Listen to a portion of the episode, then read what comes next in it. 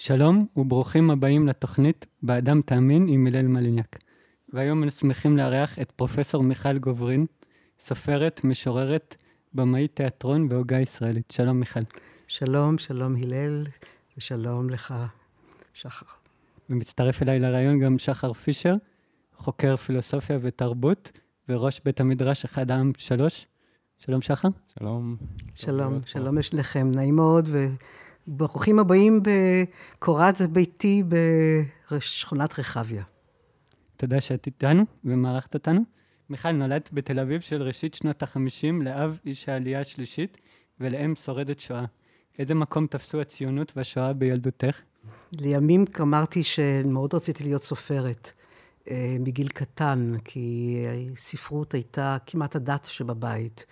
אבל הייתה לי בעיה, כי כל הסופרים מספרים על ילדותם, ואמרתי לעצמי, מה אפשר כבר יהיה לכתוב על הילדות המשעממת הזאת בקומה השלישית אה, בתל אביב, בשיכון. ורק לימים הבנתי שגדלתי כבת יחידה לשני הורים שמחזיקים ביניהם שני נדבכים מרכזיים של תולדות העם היהודי במאה ה-20. אה, אבי איש העלייה השלישית וגדוד העבודה מצד אחד, ואימי ניצולת השואה מצד שני. שני האירועים היו שזורים בין בגלוי ובין בנסתר. אני בימים אלה סיימתי לכתיבה של ספר גדול מאוד שעבדתי עליו שנים רבות, שנקרא השתיקה של אימא, שמדבר על מה שהוא מדבר, אבל הרבה מאוד דברים עברו כמובן מבעד לשתיקה ובזכות השתיקה, בדרכים שאינן ורבליות ואינן נרטיביות.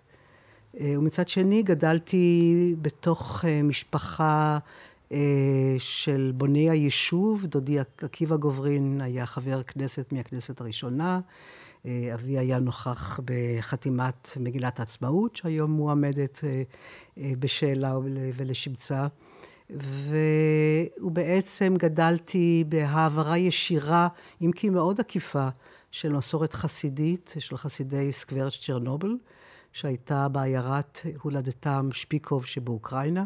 שם היה האדמו"ר, אחד משושלת סקוור הרבי אה, טברסקי, הרב טברסקי, האדמו"ר וחצרו.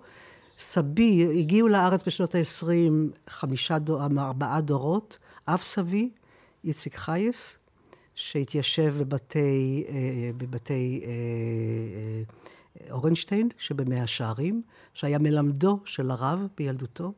סבי, מרדכי גלובמן חיות, שהיה מקורבו של הרב קוק, שהקים בית ספר עברי כבר באוקראינה.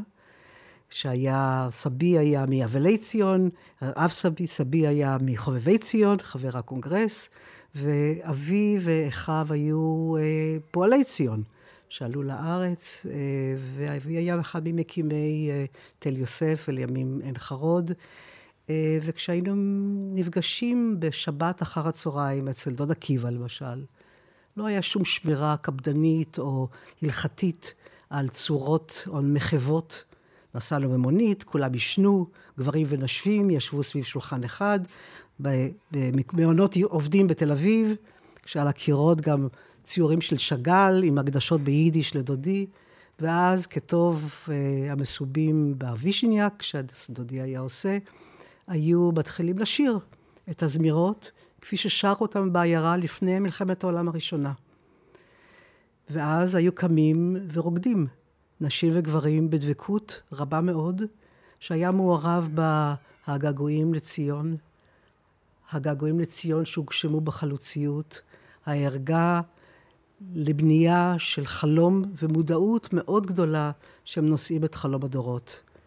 אני חושבת שהציונות חיברה בין אבי, עם כל תפקידי הציבור שהיו לו אחר כך, ובין אמי, שאיבדה את משפחתה הראשונה בשואה, בעלה נתלה, ובנה, אחי, נשלח למשרפות מפלשוב, והיא שרדה את השואה עם עוד תשע נשים חרדיות, בוגרות בית יעקב בקרקוב, שהיא עצמה בוגרת של הגימנסיה העברית בקרקוב, לא מאמינה וציונית. יחד הם חברו, שאפשר להעריך על זה את הדיבור, הם עברו יחד את מחנה פלשוב, אושוויץ, בירקנאו, צעדת המוות, ברגן בלזן וכולם ניצלו. ואז, כמו שגיליתי, עשרים שנה אחרי מותה של אימא, היא הפכה למפקדת הבריחה בכל האזור הבריטי של גרמניה, מהנובר, ובדוח שמצאתי במוזיאום השואה, התברר שהיא העלתה 30 אלף איש בבריחה לארץ. היא עצמה הגיעה עם טרנספורט של ילדים שהיא ליוותה אחרי הכרזת המדינה. הייתה גם מאלה שטיפלו בספינה אקסודוס, באונייה אקסודוס. ובתל אביב נפגשו הוריי, לשניהם היו אלה נישואים שניים, והאמונה המשותפת בתקומת העם והארץ הייתה חלק מהדברים, חלק מה שחיבר ביניהם, וכך גדלתי. תוכלי בבקשה לקרוא קטע מספרו של אביך, פנחס קוברין, היינו כחולמים, שמתאר את מגילת המשפחה. הלל, אני אקרא לשאלתך אה, ציטוט מציטוט, כלומר חלק מספרו של אבא, שציטטתי אותו אה, כזיכרונותיו של האב של הגיבורה, כותבת הרומן הבזקים, אילנה צוריאל, שאולי אחר כך נוכל לדבר על, על הפרויקט האוטופי שלה לירושלים. ואז בתוך כבישי ניו ג'רזי, שהיא בעצם חושבת לרדת מהארץ, היא מתדיינת עם הדמות של אביה בשנת מותו, ומצטטת את התיאור של ההגעה ארצה אה, עם קבוצת החלוץ. 1921, עזבנו את אוקראינה אחרי פרעות פטליורה. חוצים את הגבול לבסרביה ומשם לקושטא. ממתינים לאונייה שתוביל אותנו אל חופי המולדת. ובינתיים מגיעות החדשות על המאורעות בארץ. רצח ברנר, קרב תל חי, נפילת טרופלדור, שזעזעו את כולנו. ואז הגיע היום, הגיעה השעה הגדולה, וניתן האות. אתם יוצאים. אני עולה על גשר האונייה, הורם העוגן, מפליגים.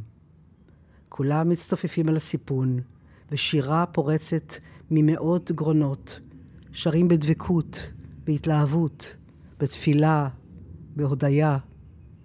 אנו עולים ושרים, אנו עולים ושרים. ככל שאנחנו קרבים אל חופי ארצנו, נעשה האוויר יותר ויותר חם. אורות האונייה בוקעים את החשיכה, בדרך אל החוף הנכסף, חיפה. כולם כבר נאספו על הסיפון לבושים בגדי חג, צופים אל העיר והמפרץ המתקרבים לאט, ופתחים, ופותחים בשיר, שם בארץ חמדת אבות. השיר שהשמענו פעמים רבות, אלא שהפעם חל בו שינוי כביר, היוצק בנו תחושה מרוממת. והכל בעטייה של מילה אחת, בת שתי אותיות בלבד, ומה רב ומה עמוק השוני. השארנו מאחורינו את השם, ובמקומו הופיע פה. בארץ חמדת אבות, תתגשמנה כל התקוות. פה נחיה וגם ניצור, חיי חופש, חיי דרור. פה תהיה השכינה שורה, פה תפרח גם שפת התורה. שירו שיר, שיר, שיר, נירו ניל, גיל, גיל, נירו ניר, ניר, ניר, עוד יבואו ניצנים. תודה. אולי שאלה לגבי הפה, בין הכאן לפה. בין האז, הסצנה הזאת, בין הבריחה מהפרעות או העלייה אחרי השואה לבין הפה. ובפרספקטיבה הזו אני יודע שאת מתעסקת המון גם בתיאוריה של השואה, אבל גם בשאלה של הזיכרון ואיך מעצבים את הזיכרון. אמ, אולי תנסי לקשור בין השם הזה אמ, לבין הפה, כאן ועכשיו. אמ, אני גדלתי בתקופה שדיברו, שמו כבר את הציונות במרכאות. זה כבר היה. זה היה בתקופת המיתון, בשנות ה-60. זה היה כבר פסה לגמרי. הדור, הדור המבוגר, אה, השלכתו של בן גוריון. וגם כשכתבתי את הספר, לא ינקוב בשם ההיסטוריון, פרופסור באוניברסיטה העברית, אמר, מה, החלוצים, זה כבר היה ההיסטוריונים החדשים, לא שמענו להם ולא כן. אני חושבת שאנחנו נמצאים עכשיו, אה, כן, אנחנו אה, בין כסה לעשור תשפ"ד, בימים של טלטלה מאוד גדולה, אה, שבהם אה, הרבה דברים שכבר שמנו במרכאות שווים להיות לחם חוקינו. הרבה דברים שלקחנו כמובנים באליהם, מאליהם, נשברים ונבגדים. ואנחנו בעצם לא בפוסט-ציונות, אלא בנאו-ציונות. כאשר פתאום, אני עכשיו הקראתי לכם כבר, זמן שלא קראתי את המילים של השיר הזה, חיי חופש, חיי דרור. אנחנו נלחמים על דמוקרטיה, על חופש ביטוי, על, על, על חופש של הפרט. שכינה תהיה שורה, התורה, מה, מה, היום, כן, מאשימים את החלוצים שהם היו חסרי ידע. כל הדברים האלה נטרפים ברגע שאתה רואה את הרצף הארוך הזה. וכשכתבתי את הספר, את הבזקים, ב... הוא יצא ב-2002, באמת בלב האינתיפאדה, והוא מדבר על תקופת מלחמת המפרץ, אה, וכתב, והוא נגמר, אה, לא אספר את הסוף, אבל נגמר בסוף טרגי, ובכך שפורצת מלחמת המפרץ, אה, שנה או שנתיים לפני הסכמי אוסלו. ידעתי שאני הותקף על כך שאני לא מאמינה בשלום הנצחי שיפרוץ כל רגע, כשכתבתי את הספר. והרגשתי שזה לא עומד לקרות, ואני חייבת לומר את זה. אני חייבת לומר שאנחנו על, על, על, על סיפו של, סופו של חלום, כי לא השכלנו להקשיב לרצף ולגלגוליו של הקול שבא אלינו מהדורות שהאמינו בארץ, מהחלוצים שהגשימו את האמונה הזאת. זנחנו הרבה דברים בדרך, ואיתם גם החלום נחלש. הייתי אומרת, לא לשמחתי, אלא לשברון ליבי, אני, תחושת הבטן שהובילה אותי הוצדקה ברצח רבין,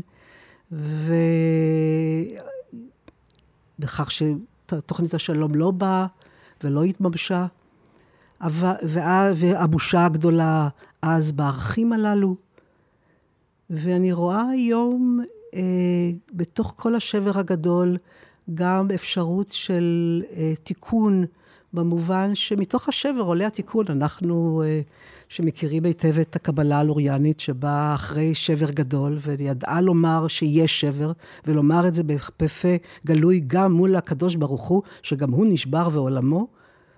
הכל נשבר סביבנו, אבל כיהודים שכתבו שוב ושוב וכך ניצלו את הנרטיב שלהם, ייתכן, חייבים להאמין, שמתוך השבר הזה אה, ייווצר מחדש משהו שיהיה לו הפעם את התבונה להקשיב.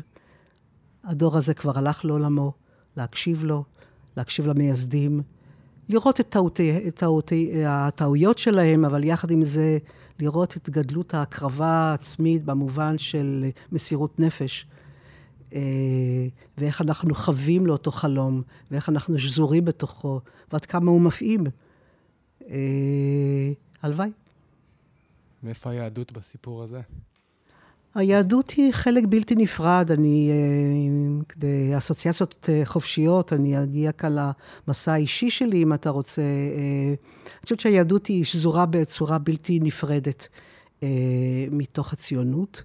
היא לא הייתה קמה. אני חושבת שבמיוחד הציונות המזרח-אירופית, כמו שבאה מתוך הצחות החסידי, בתוך ספרו של אבא יש תיאור של טיש, חצי עיתולי, חצי, חצי אה, אה, רציני, שמתרחש בעין חרוד.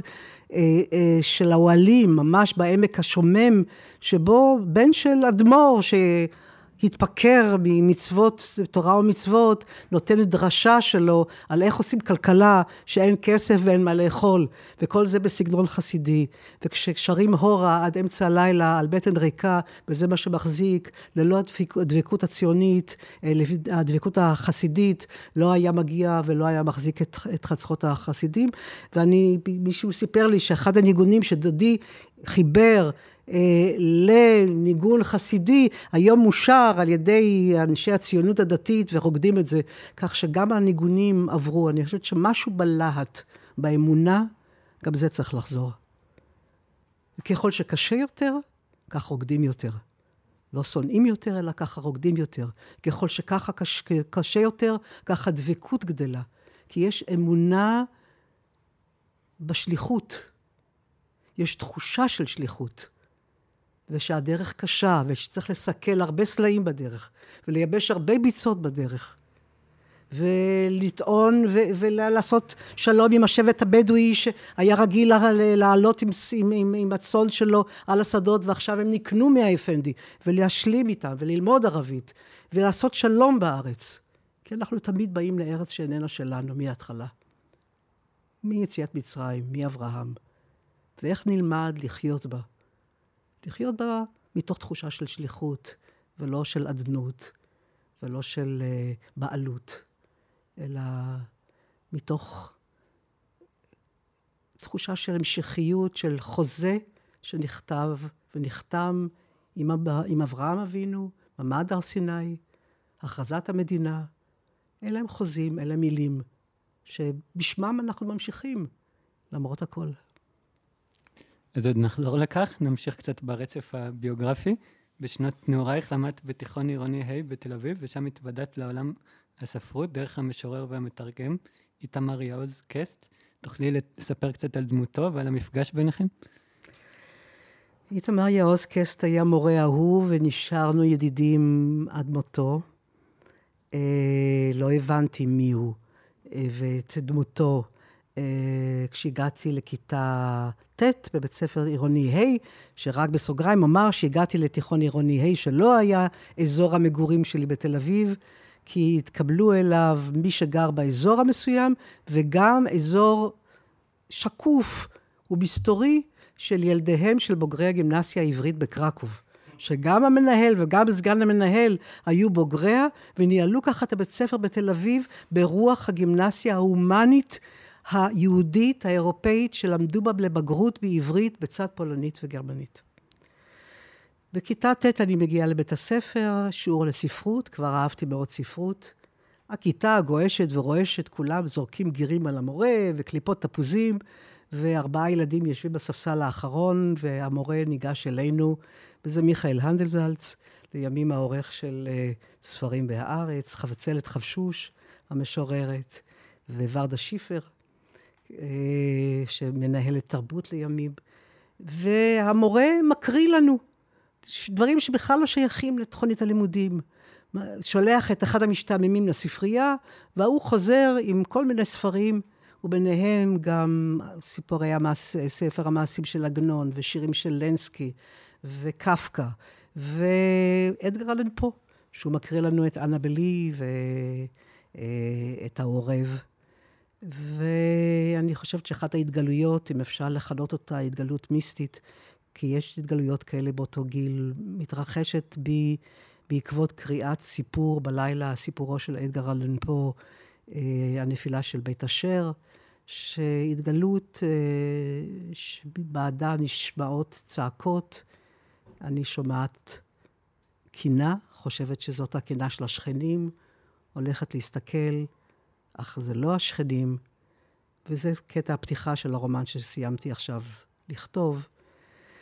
לימים הבנתי שבאותם שנים הקשר שהיה לי עם המורה, קשר של התפעמות, כן? הארוס של, של, של הספרות שהוא מגלה בפנינו. הטרגדיה היוונית, השירה הגדולה, שבאותם ימים הוא כותב סיפור קצר, שהגיבורה שלו היא ילדה של ניצולים, ושאני כאילו משמשת לו כמודל, אבל על זה דיברנו שנים רבות אחר כך. ו... החלפנו בינינו ספרים, ואני חושבת שהשפעתו עליי היא עמוקה, ואני מאוד אסירה תודה לו. ולאחר השירות הצבאי שלך ככתבת צבאית, המשכת ללימודי תואר באוניברסיטת תל אביב, ומאוחר יותר השלמת לימודי דוקטורט באוניברסיטת פריז ב-1976 בנושא תיאטרון קודש בן זמננו, שעוסקת בהיבטים התיאטרליים של טקס חסידי. אז מה הקשר אה, בעינייך בין תיאטרון לפולחן דתי? הגעתי לפריז ב-72 כדי לגמור את הדוקטורט ב-76, אה, אה, כשאני ממש אה, צעירה אז, ובפריז של אותה תקופה היו עדיין הדי מרד הסטודנטים של 68, ואני התעניינתי בתיאטרון מטאפיזי, בהתחלה לא הבנתי בדיוק לאן אני רוצה ללכת, הרגשתי, זה היה מלחמת יום כיפור, פרצה כשאני בלימודים בפריז. אבל עזבתי את הארץ בתוך האפוריה של מלחמת ששת הימים, עם תחושה של מחנק מול חומרנות מאוד גדולה שאז פושטת בחברה. והייתה לי הרגשה שאני צריכה להתחבר ביודעין או בלא יודעין אל, אל אותה, אותו, אותה שליחות, אותו חזון, אותם מקורות, שלא היה להם מקום בתל אביב של אותם ימים. אמרתי, אני אסע לפריז. ובפריז, אה, גם מבעד לקריאה בכתביו של בובר, אה, הבנתי שאני רוצה לגעת בחסידות, אה, למרות שלא היה לי בזה הכשרה פורמלית. באותם ימים, צריך לציין, האווירה בפריז של התיאטרון, אה, הייתה התיאטרון של גורטובסקי, שלימים אה, תרגמתי אותו מעל במת הסינמטק בירושלים, התיאטרון של פיטר ברוק, שאיתו שיתפתי פעולה גם בכמה הצגות שעשיתי עם השחקניו. הייתה אווירה של חיפוש רוחני, של חיפוש אה, אה, אה, דתי. אבל, זאת אומרת, לא דתי, אלא חיפוש של רוחניות אקזיסטנציאלית. וגם בפריז, זאת הייתה האווירה. האוונגרד בחנויות הספרים היה בצד כתבים על התנועה הפלסטינית, אה, תרגום של אה, בית יעקב, של עין יעקב, על ידי, על ידי ביתו המאומצת של סארטר, ארלט אלקיים סארטר.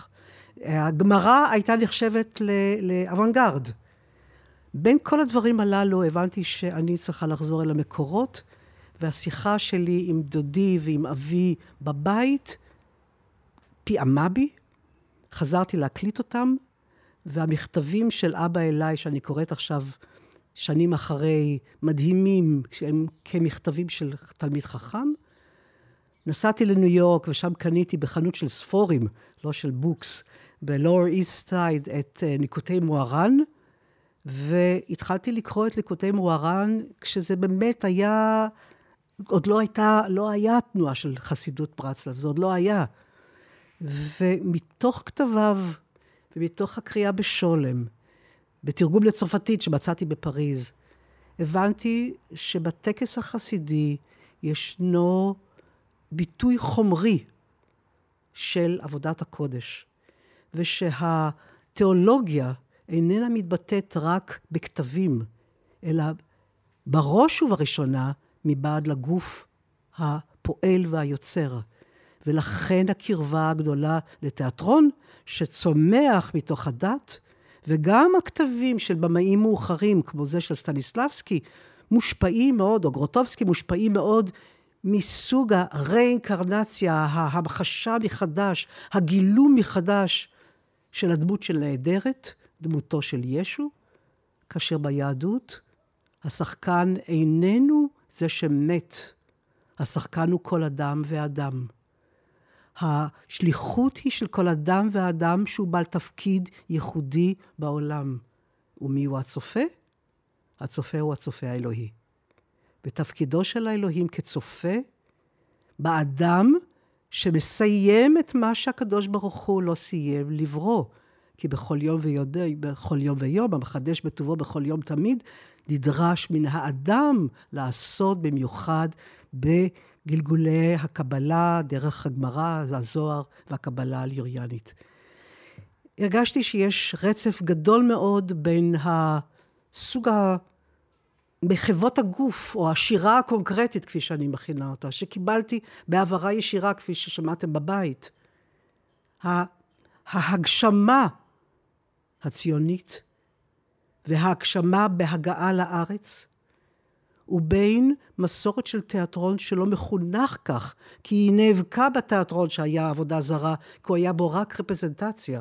אבל זהו ז'אנר ייחודי של עשייה בגשמיות, בכוונה אני משתמשת במונח הקבלי, שהעשייה הזאת מורכבת בצורה יוצאת דופן בפירוט שלה מאלפי מחוות, צורות, תשמישים, שכל אחד מהצורות, הביטוי שלהם היא מסמלת צורך קיומי וצורך קוסמי בעת ובעונה אחת. איך הכרת את הפילוסוף ג'אק דרידה? ז'אק דרידה הכרתי יותר מאוחר, אני אולי אומר שתוך כדי כתיבת הדוקטורט הכרתי גם באופן אישי ודי אינטימי את, את עמנואל לוינס, שגם זכיתי שיקרא את, ה, את הדברים שלי ולשוחח איתו, בצד שיחות שהיו לי בירושלים עם שולם, שגם על זה נוכל לדבר, אבל את ז'אק דרידה הכרתי בזכות גיסי עליו השלום, דוד ברזיס. אה, פילוסוף, חוקר קירקגר, שכתב גם שני ספרים חשובים על, ה, על, אה, על קנאות אה, אצל התנאים, וגם ספר חשוב על, ה, על מימד הקורבניות אצל עמנואל לוינס, או נאמר המפנה הקורבני בהגותו של לוינס. אה, דוד, אה, שהיה יליד צרפת, כמו, כמו אישי, חיים ברזיס, שגדל בפריז, היה חבר ב CNRS והלך לסמינרים של ז'אק דרידה, ב École Normale. אה, וכך יום אחד הצטרפתי אליו, זה היה סמינר די, די מצומצם, ושבתי גם בלי דוד בסתיו של אחריו לשמוע את ההרצאות, ובאחת ההרצאות, ישבתי שם כשומעת חופשית, בתוך קהל הסטודנטים. אה, אה, ז'אק דרידס דיבר על, על תורתו של הגל, ודיבר על שלבי ההתפתחות, וכשהוא הגיע אל, ה, אל השלב היהודי, שלפי הגל איננו השלב הסופי, הוא הקריא קטע מתוך תנ"ך בצרפתית, בתרגום בצרפתית שהיה בידיו, על מתן תורה, ואת הפסוק לא תעשה לך פסל וכל תמונה. רק שבתרגום שהיה בידיו, שהתברר אחר כך שזה תנ"ך בתרגום פרוטסטנטי שהוא קיבל במתנה מאביו, המילה תמונה תורגמה כרפרזנטציה, רפרזנטציון. אה, בבושה רבה ניגשתי אליו אחרי השיעור ואמרתי, סליחה שאני מעירה, אבל אה, המילה רפרזנטציה היא לא בדיוק תרגום של המונח העברי תמונה בהקשר הזה. ואז הוא אמר, בסדר, אז תעשי על זה הרצאה בשבוע הבא. ואמרתי לו, אני לא, לא, לא פילוסופית ולא בלשנית, ואני לא אעשה, לא, תעשי על זה הרצאה לשבוע הבא. ואז עברתי שבוע קדחתני של אה, בדיקה של כל התרגומים האפשריים של התנ"ך בלטינית וביוונית, וכל התרגומים בצרפתית וכן הלאה. ואז גיליתי שזה באמת אחד התרגומים המועטים. ונתתי את ההרצאה על, אה, על המילה תמונה, ואז מצאתי את הפירוש הנפלא של רש"י לכך, ובכך שבעצם אה, זה מתקשר ל, ל, למראות הצובעות, ו, ולנשים, ולכיור, וליכולת וכן הלאה. ו... ואז, ומאז, אה, היה בסוף שנות ה-70, ומאז נמשכה ידידותנו במשך 25 אה, שנה, אה, גם בביקוריו בארץ, שזכיתי ללוות אליו בטיולים, בחצרות החסידים, בשערי חסד, אפילו על במת האופרה באיזה ערב הזוי שהיה שם, שארגן משכנות שננים דרך ניו יורק, כשהיינו נפגשים בפריז. אה, בשיחה שהייתה ללא ספק שיחה מכוננת אה, ורבת השראה. מעניין, הזכרת את ה... הרגע שלכם זה רגע של שאלת אה, תרגום מקראי, ולדרידה היה הרבה עיסוק במקרא, וגם ניכר שהיה לו הרבה עיסוק בתרגום, ברמה שיש לו מקומות שהוא משווה בין ארבעה תרגומים שונים לצרפתית ואיזשהו ניסיון למצוא מה, מה, מה בעצם המקור. אה, ושמעתי ממך פעם שהוא ניסה ללמוד עברית איתך, ו... ולצערנו לא הצליח, והשאלה שמעניינת אותי זה אם, מה היינו מקבלים אם אה, דרידה היה מצליח ללמוד עברית באמת? אה, אני חושבת שהיה לו איזה מעצור מלימוד העברית בגלל הבית המסורתי שבו הוא גדל, ובגלל המורכבות של יחסו אל היהדות. שהוא חווה אותה גם ככתם תוך כדי מלחמת העולם השנייה, כשהוא מנודה מבית הספר ו, אה, ונאלץ ללמוד בגטו היהודי, והרצון שלו לפרוץ לתוך אירופה. אה, אני חושבת שאנחנו קיבלנו ממנו הרבה, אה, גם ללא ידיעת עברית. אני חושבת שהדקונסטרוקציה לגביי, על כל פנים, כשאני מדברת כאן כמשוררת וסופרת ולא כפילוסופית, פחות מעניינת אותי הדיסציפלינה הקשוחה. אבל תורת הדקונסטרוקציה בעצם היא הרגישות הרבה למילה. הכבוד האינסופי לכוחה של מילה, לארכיאולוגיה של המילה, לשורשים שלה, למשמעויות שנטמנו בה בהיווצרותה.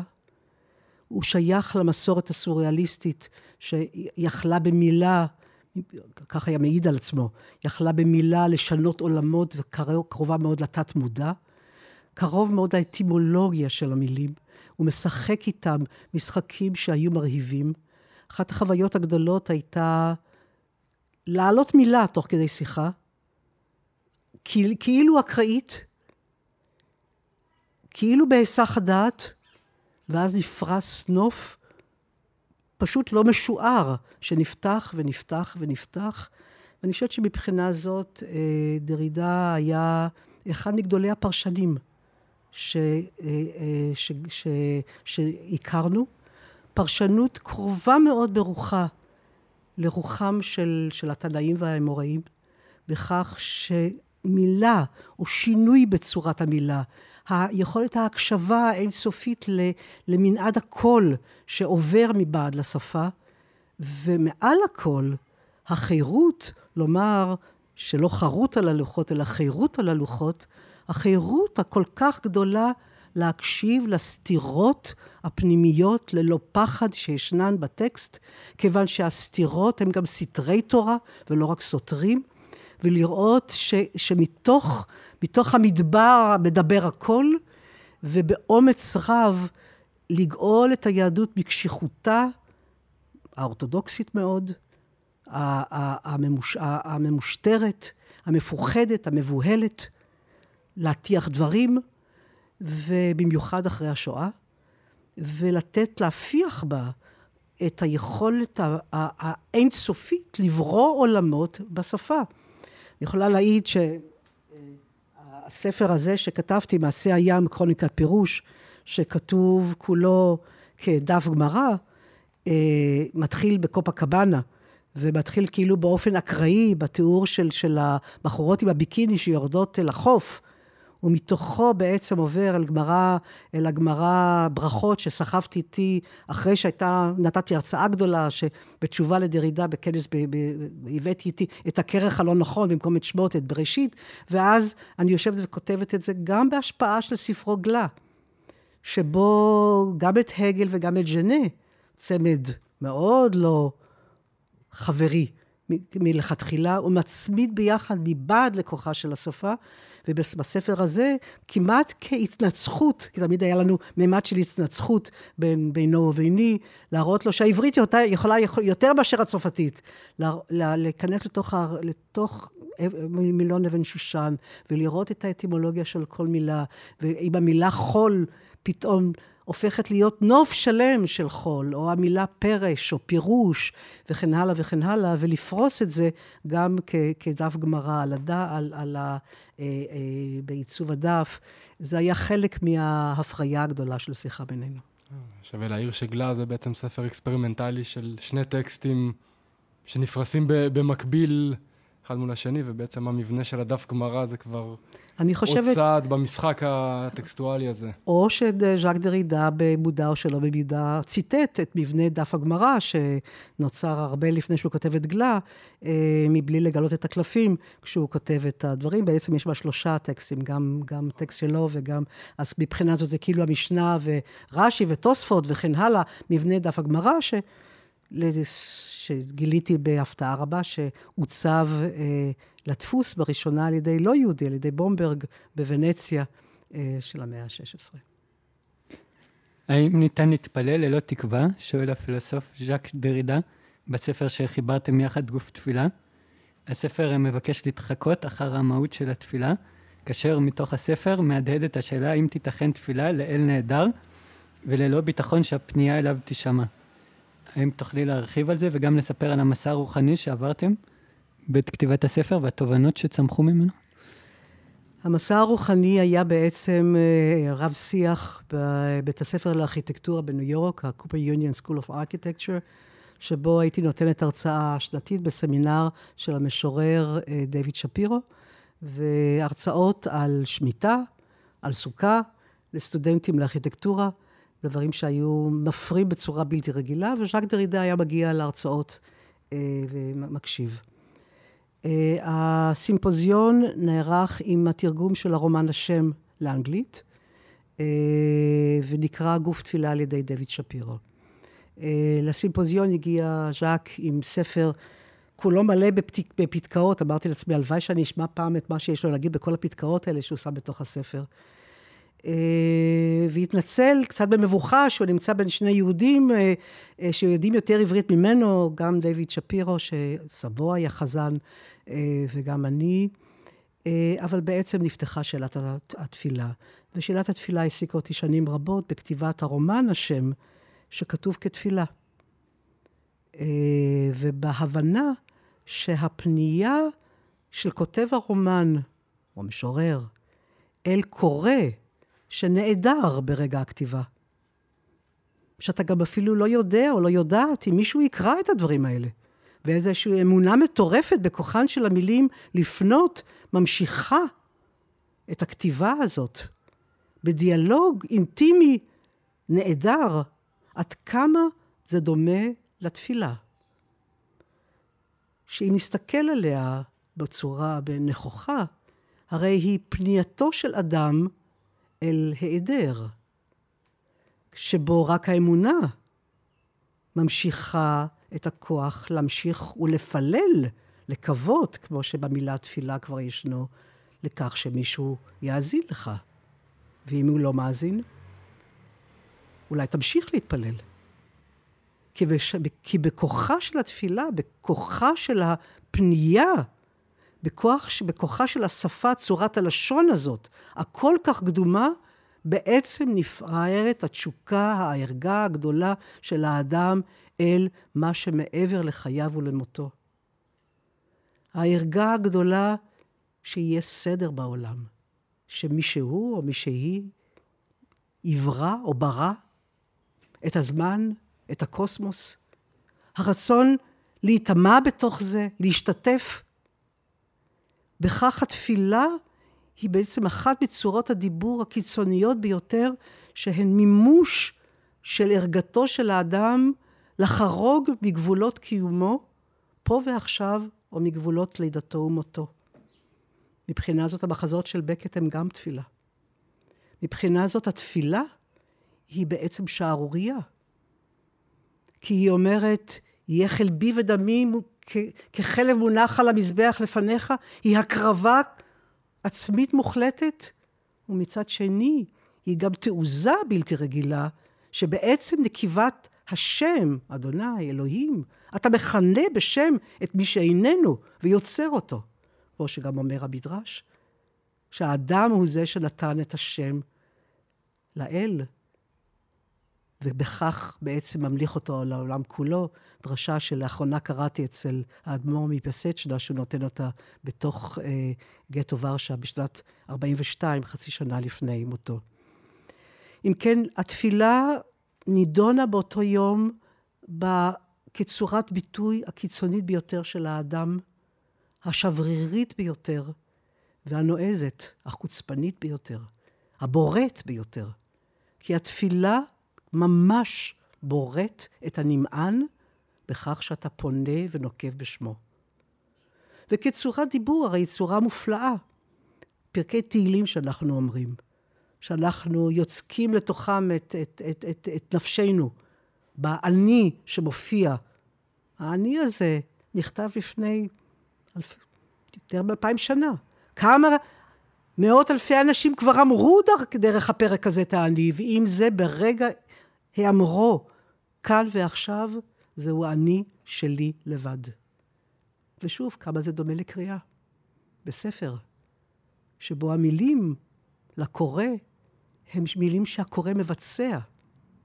אמנם בדרך כלל, בלחש, אבל זהו ביצוע, ביצוע של השפה, וכל קורא מבצע אחרת את הספר, ואומר אחרת את האני של המספר, והופך להיות הוא המספר.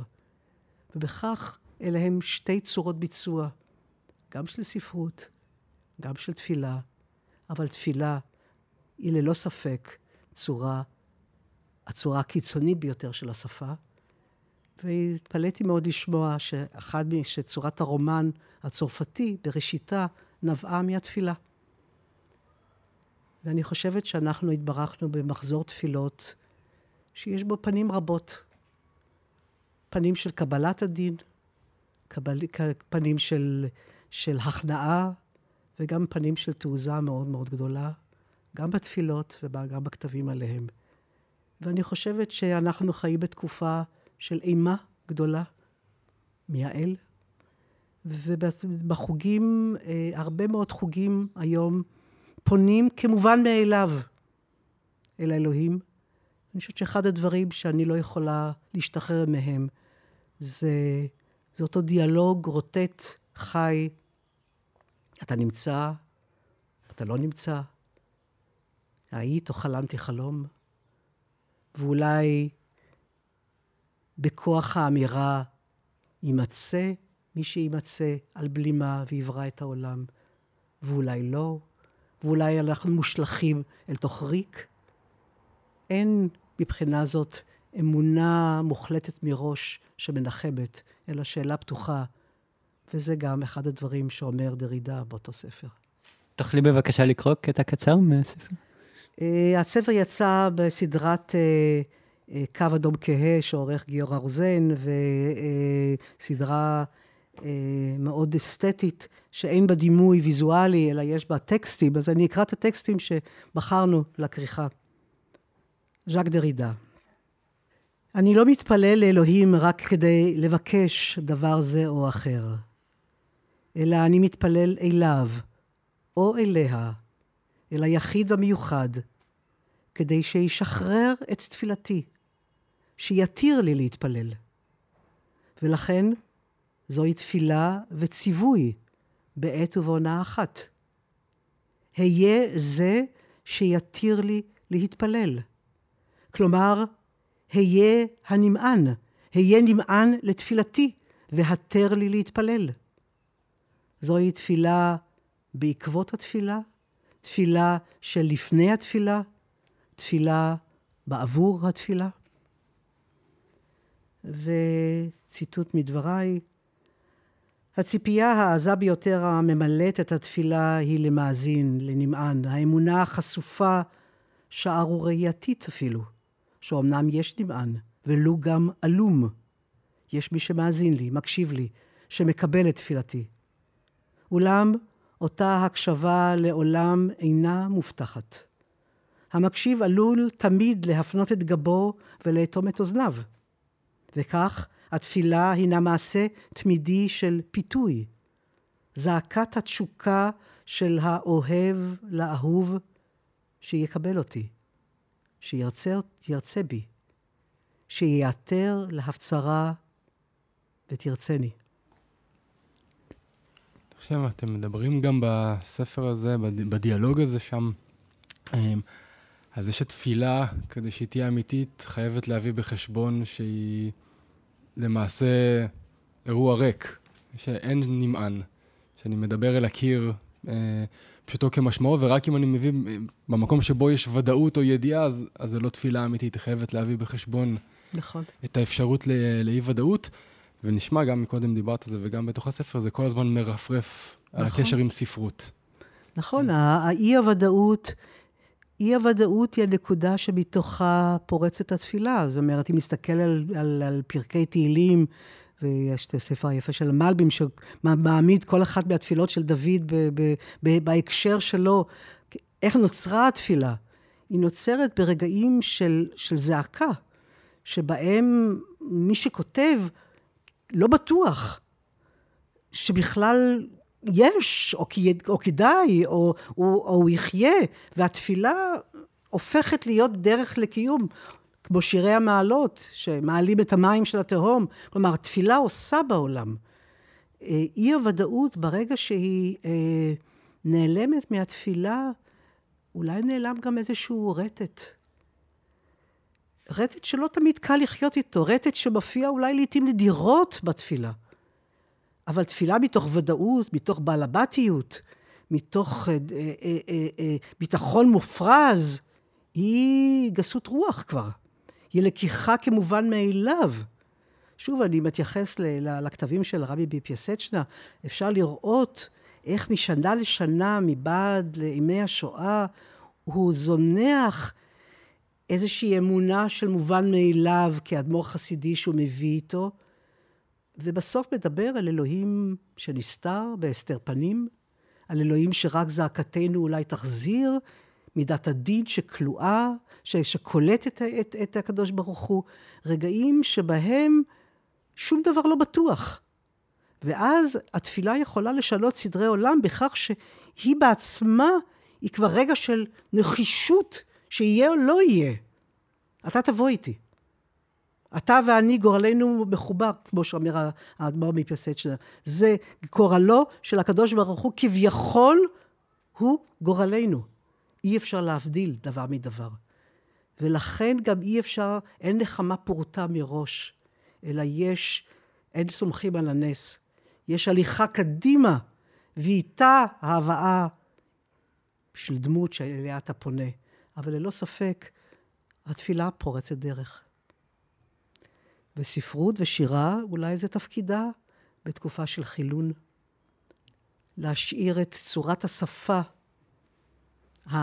המבע, כמקום שבו הקודש עדיין קיים, כהתהוות, כהיסוס, ככל מעמקים שבוקע, של אי ודאות, שהם אולי שרידים ואולי בשורה לאמונה בעולם שראה רעות רבות, אבל בכל זאת קיימת בו התקווה. אז הזכרת בדברייך את השואה ואת האימה מפני האל, אז ממרומי הזמן שבו אנו מצויים, כאשר השואה כאירוע היסטורי, זיכרון השואה והשואה עצמה הולך ומתרחק מאיתנו, ושורדי השואה הולכים ומתמעטים. איך בעינייך מוטל עלינו כחברה לזכור את השואה כזיכרון פעיל וחי? זאת הייתה באמת, אה, תודה על השאלה, הלל, זאת הייתה באמת אה, שאלה שהעסיקה אותי. אני שנים רבות אה, נמלטתי מלעסוק בשואה באופן ישיר. צריכה לציין שאימי, אחרי מה שסיפרתי עליה, שהגיעה לארץ, היא, בניתוח פלסטי, היא הסירה את המספר מזרועה, כך שכאילו עד גיל מבוגר לא ידעתי במרכאות שאימא הייתה בשואה. אה, נבעה ממנה עוצמה מאוד גדולה. והרגשתי שאין לי זכות לדבר כל זמן שהניצולים ישנם, גם כיוון שההכחשה של הרצח הנורא הייתה חלק מן המזימה הנאצית, ולכן שמיעת העדויות היא חובתנו. אה, גם פשוט מבחינה משפטית כדי להזים את ההכחשה. אבל שזה לא זה, לא זה הזיכרון שיועבר על ידי דורות.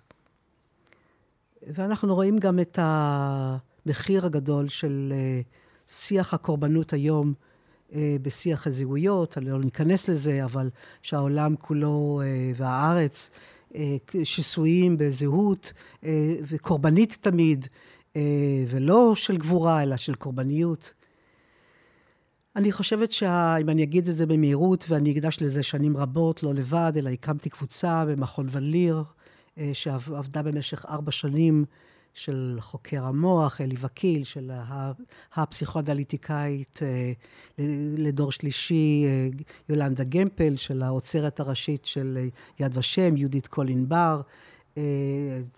מוזיקאים, ציירים, אני, קצר היריעה מלהזכיר את כולם, הוצאנו ספר שנקרא אבל הייתה שם אהבה, עיצוב זיכרון השואה, שלקוח מתוך דברים של אהרון אפלפלד, שאמר לנו בפגישה הראשונה, ואחר כך אה, שמענו את שאול פרידלנדר ואת אה, את אוטודוב קולקה מהדור הראשון.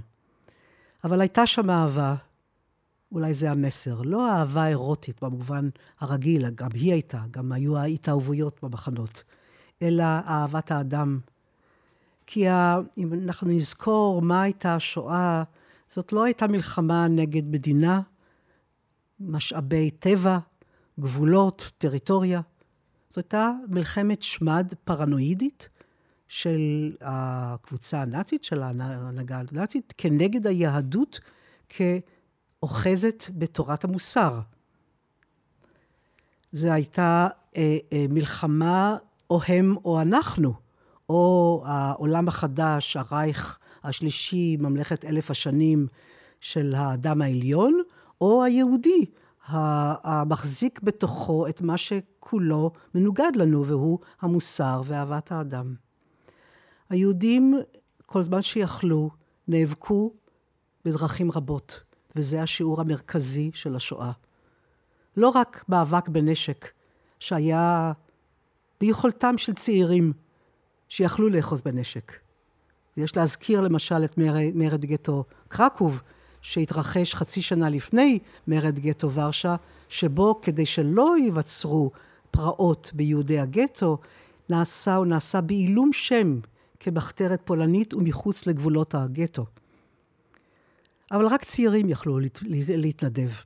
וגם המחתרת בווילנה, שאבא קובנר שייך אליה, ברגע האחרון יוצאת מהגטו כדי להציל את יושבי הגטו. המאבק היהודי היה בדרכי הרוח, כל אחד בדרכו. אל המשרפות הלכו אלה בשירת האינטרנציונל, שהייתה דרך אמונתם בשוויון האדם, ואלה שהלכו בקריאת שמע, שהייתה, כמו שרבי עקיבא אומר, כל ימיי התפללתי שאזכה ותגיע שעתי, לומר בכל, ב, ב, בכל לבבי, אמרו את קריאת שמע כחירות האמונה ברגע השמד.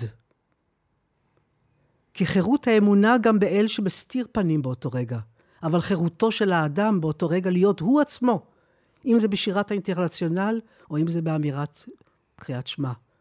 החברות של אימא החרדיות שרו תוך כדי דחיפת המר, המר, המריצות מלאות האבנים באושוויץ בשבת, כי זו הייתה עבודה פחות של חילול שבת מאשר לעבוד בשדה, והם התנדבו אליה למרות שהייתה יותר קשה, הם שרו ותאר ליבנו. ואימא שרה את שירו של צ'רניחובסקי, שחקי שחקי, כי עוד בעד המאמין. האמונה הזאת היא דבר יוצא דופן בעמידה מול שמד, והיא נמשכת גם אחרי השחרור. הנקמה של שורדי השואה איננה הנקמה שמצטט ביאליק בשירו על השחיטה. זאת לא הנקמה שילד יהודי לא, לא, לא חזה. הנקמה, אם תשאל את השורדים, אלה שבינינו, היא לבחרת בחיים, להקים משפחה. ילדים, צאצאים. זאת הנקמה שלנו בהיטלר, אומרים השורדים. וזו נקמה שהעולם עדיין לא למד להעריך אותה. ואחת השיחות שהיו לי עם התובע במשפט בהנובר, שאימא נסעה ב-77 להעיד בו כנגד אחד ממפקדי גטו קרקוב. עשרים שנה אחרי מותה, מותה של אימא חיפשתי אחריו חצי שנה. סיפור ארוך שאני מפרטת בספר שכתבתי. כשהגעתי בסוף אליו, הוא אמר, את השיעור הגדול ביותר בחיי שמעתי משורדי השואה, והוא אה, היה תובע בכמאה משפטים כנגד פושעים נאצים שהתחבאו בגרמניה כאחד האדם. היכולת שלהם להאמין באדם, להמשיך ולקוות, להיבנות אחרי השבר ולא ליפול לרחמים עצמאיים ולקורבניות, זהו ששיעור שהעולם עדיין לא שמע. לדעתי, זה השיעור הגדול של השואה, שהוא מדבר לכל אדם, שמוציא אותנו גם מהקונפליקט מי יותר סבל. זה דבר שיכול להיות, אה, כתבנו אגדה שנקראת התכנסות ליום השואה, שנעשית בארץ בבתי ספר רבים, במוסדות, תורגמה עכשיו לאנגלית, תורגמה גם לצרפתית ולגרמנית, ומדברת לכל אדם. אחד הדברים המרגשים היו שאסירים סיפרו שהם בבית הסוהר עושים התכנסות, ואומרים את הפרק במקום שאין אנשים, יהיה אדם, בכוונה מרובה, וגם את הפרק שקודם לו, הפרק על הרוע, כי הרוע אורב לכל אדם. וזהו רק במאבק שנוכל לומר, במקום שאין אנשים, יהיה אדם, אנחנו, חסידי אומות העולם, ומי שעמד, לא עמד מנגד, אלא הושיט יד. אם אנחנו מכירים את uh, הז'אנר הספרותי של עדויות ניצולים כז'אנר שהמוסכמה שלו היא שמסופר בגוף ראשון, ועכשיו אנחנו עוברים ל- להתחיל לספר את זה בגוף שלישי. ומה קורה לעדות או לסיפור כשהיא עוברת מגוף ראשון לגוף שלישי? אה, שאלה מצוינת, תודה לך, אה, שחר. שאלת הגוף היא גוף, גוף הכתיבה העסיקה אותי מאוד. הרומן השם כתוב בשלושה גופים, ראשון, שני ושלישי.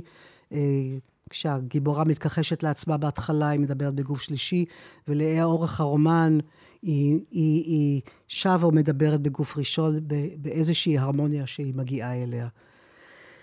אה, בכתיבת, אה, בכתיבת הספר שיקרא השתיקה של אימא, אה, עברתי מגוף לגוף ומז'אנר לז'אנר. ישנם קטעים בגוף ראשון, עליי, זיכרונות ילדות, שמתוכם ובתוכם טבוע פורטרט בנקטיב של אימא. קטעים שכתובים בגוף שלישי כרומן היסטורי, קרובים מאוד לגוף של אימי. ספר ילדים שכתוב מעיניו של אחי מרק, שנשלח למסחפות בגיל שמונה. קטע שהוא כולו מקהלה של קולות. תיאטרון קולות אה, שמורכב כולו מהעדויות שאספתי. יש עשרים שעות של הקלטות שהעברתי ליד ושם בבני ברק, אצל החברות של אימא, באנטוורפן, בניו יורק, במקומות שאליהם נסעתי. ומקהלת הנשים, ברובם מקהלות של נשים, מספרת את מה שמעבר לשפה. וסיום שהוא בעצם בין, ה, בין, ה, בין הגופים ובין הקולות, כי הכל עובר מדור לדור, וכמו שאמרתי קודם על האני שבפרק תהילים, שמשמש יותר מאשר את האני שדובר אותו. אנחנו יכולים במעשה הספרות, בקסם הזה של ההזדהות, לומר אני מבעד לדמויות רבות. בספרך ירושלים, מקום התאווה, מסע אל המיתוס, שיצא בשנת 2019 בהוצאת הקיבוץ המיוחד, את כותבת כי ירושלים היא עיר בפרדוקס. תוכלי לספר על הפרדוקסים שמכוננים את ירושלים? זה גם זה גם פרדוקס. לדבר על ירושלים זה פרדוקס. אה, אם אני אצטט את, אה, את שירו המופלא של פאול צלן, הכתבים, אמרי שירושלים הויה. בעצם ירושלים כולה בנויה מדיבור. לכן כל מה שנאמר עליו יהיה אמת, כל מה שמי שיאמר עליה יהיה אמת, הפרדוקס הוא בכך שיש הרבה מאוד אמיתות, ועל ירושלים להכיל את כולן. אני חושבת שכל מי שעולה לירושלים עולה עליה גוף ונפש, כמו פולצלן, כמו כל נוצרי שעולה לרגל ירושלים, כמו כל מוסלמי שעולה אל אל-קוצק, או כמו כל שיהודי שבא אליה בחייו או במותו. אה, העלייה שלי לירושלים הייתה מתל אביב.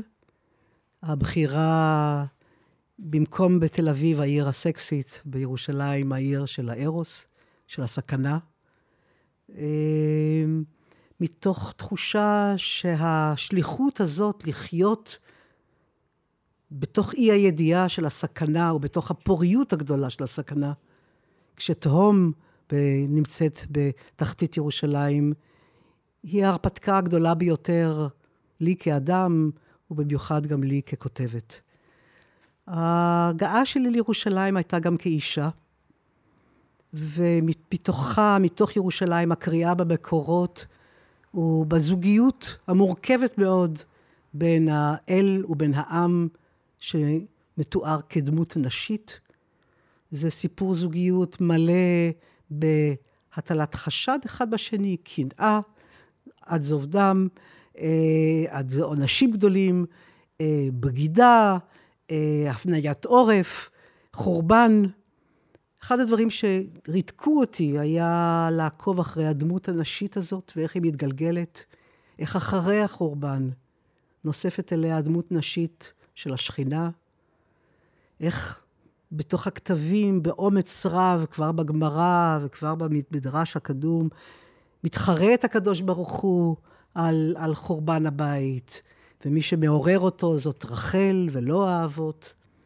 איך דמות השכינה ממלאת מקום מרכזי אחר כך בזוהר ובקבלת צפת. איך אנחנו שרים לציון, ירושלים, לשכינה, ככלה בקבלת שבת, המהפך הגדול הזה אל ירושלים כאישה, ומילא אותי בתקווה שאולי אפשר לעשות שמיטה בירושלים. שמיטה שהיא מידה נשית, שהיא לא בועלת. קשר לירושלים שאיננו בעילתה, אלא במנוחה, בהרפייה, כמו השבת, או כמו הישיבה בסוכה, שהיא יציאה מן הבית. ירושלים שתהפוך להיות ממושא התשוקה, ריבוי המלחמות של גברים, של ארוס גברי על האישה הבוגדת, ירושלים שתהפוך להיות עיר ואם, שתדע לחבק את כל בניה. אולי האהבה היחידה שגברים יכולים לסבול, שגבר אחר אוהב את אותה אם ביחד. וכשיהיה לנו האומץ, אולי בזכות שינוי מקום האישה בתרבות, כשיהיה לנו האומץ לשנות את המיתוס, כפי שהיה אומץ ליהדות לעשות ברגעי משבר גדולים. האומץ שיהיה לנו להפוך את, את המיתוס של ירושלים לכך שירושלים תהיה עיר ואם בישראל, תחבק את כל בניה, לא רק את הדתות האברהמיות, בניו של אברהם, אלא בניה של ירושלים. אה, אולי אה, נוכל גם בכוח המילה, בכוח הספרות, בכוח המיתוס, לסלול דרך בלבבות של האנשים בצד ההסכמים הפוליטיים. כי הרי הכשרת הלבבות היא חלק בלתי נפרד מהיכולת של חלום השלום להתקיים. ובאמת, בספר הבזקים שכתבת, אז אילנה גיבורת הסיפור חוזרת לישראל כדי לתכנן את מונומנט השלום בירושלים. ובסוכות של שנה זו התגשם החלום של אילנה, ועל אותה גבעה של, של פסגת אה, ארמון הנציב, שמכונה בפני, בפי אנשי השכונה מצפתל, בתף, מצפה ותל, תוקם מושבת הסוכות של אילנה צוריאל, יחד עם קבוצת סלמנקה ועם הפעילים של השכונה, אה, ונקווה שזאת תהיה סוכת שלום בסימן של שמיטה ואחווה ועזיבה של הנדלן הכוחני והבועל אל הארעיות של הסוכה ואל ירושלים, שהיא לא הייתה נחלה של שום שבט. צריך לומר שזו גם גבעה שמאוימת בתוכניות פיתוח. בדיוק, ולכן זה גם אקט של מחאה כנגד תוכניות הפיתוח, הן של בית מעצר של המשטרה והן של מבנה מלון של רמי לוי, שיגמד בגובהו את הגבעה, שעכשיו רואים ממנה באופן ייחודי של, בירושלים 360 מעלות, גם את ים המלח, גם את עמאן, גם את הרודיון, את uh, בית לחם, את העיר המערבית, את, uh, את uh, הר הבית עם המסגדים ואת הר הזיתים. זהו מקום שצריך להיות המצפור, מצפור שכל תייר שמגיע לירושלים יתחיל משם את ביקורו בהבנה שזה מקום שאיש לא יהיה בעליו. איש לא יוכל להיות, אה, לומר, זוהי נחלתי מעבר לאל שאומר, זה מקום מנוחתי, זה מקום תאוותי. המקום שבו אנוח זהו מקום המנוחה ולא מקום השלטון. ולקראת סיום, אה, אני רוצה לשאול אותך, ביאליק בשירו, הכניסיני תחת כנפך, טועה ושואל, אומרים אהבה יש בעולם? ברוח דבריו, מה זאת אהבה בשבילך? אחד הביטויים העמוקים ביותר של נפש האדם, גוף ונפש. יש לה פנים רבות. היא יכולה להיות אהבת הורים, אהבת גבר, אהבת ילדים ונכדים. אהבה היא מרחיבת לב עד דמעות, ומי ישורנה, וכל השירים וכל המילים לא מכילים אותה.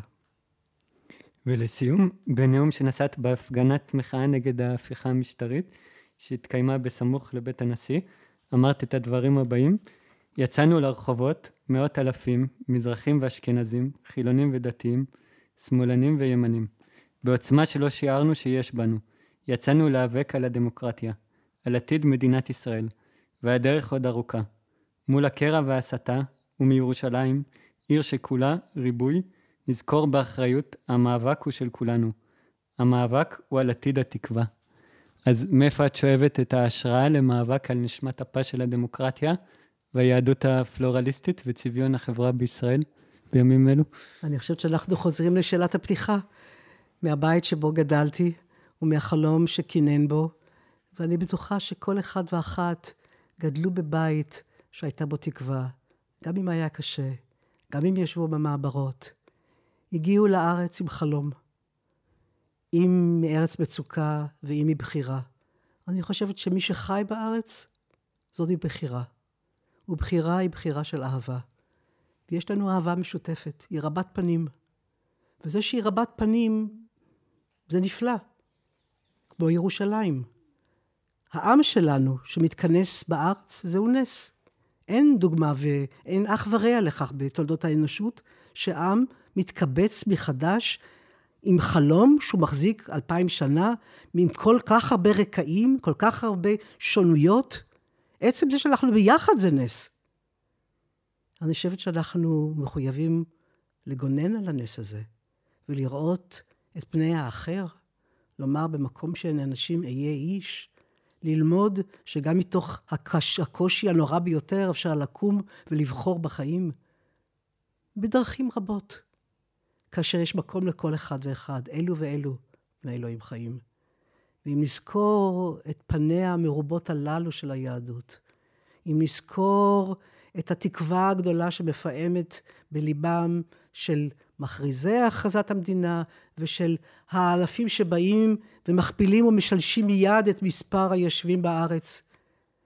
כשחלום מקנן בהם, אם נזכור את זה ונאמר זאתי שלוחותנו בעולם, לראות איך אנחנו בדורנו מאדירים את החלום הזה, נותנים בו עומק ולא מחריבים אותו.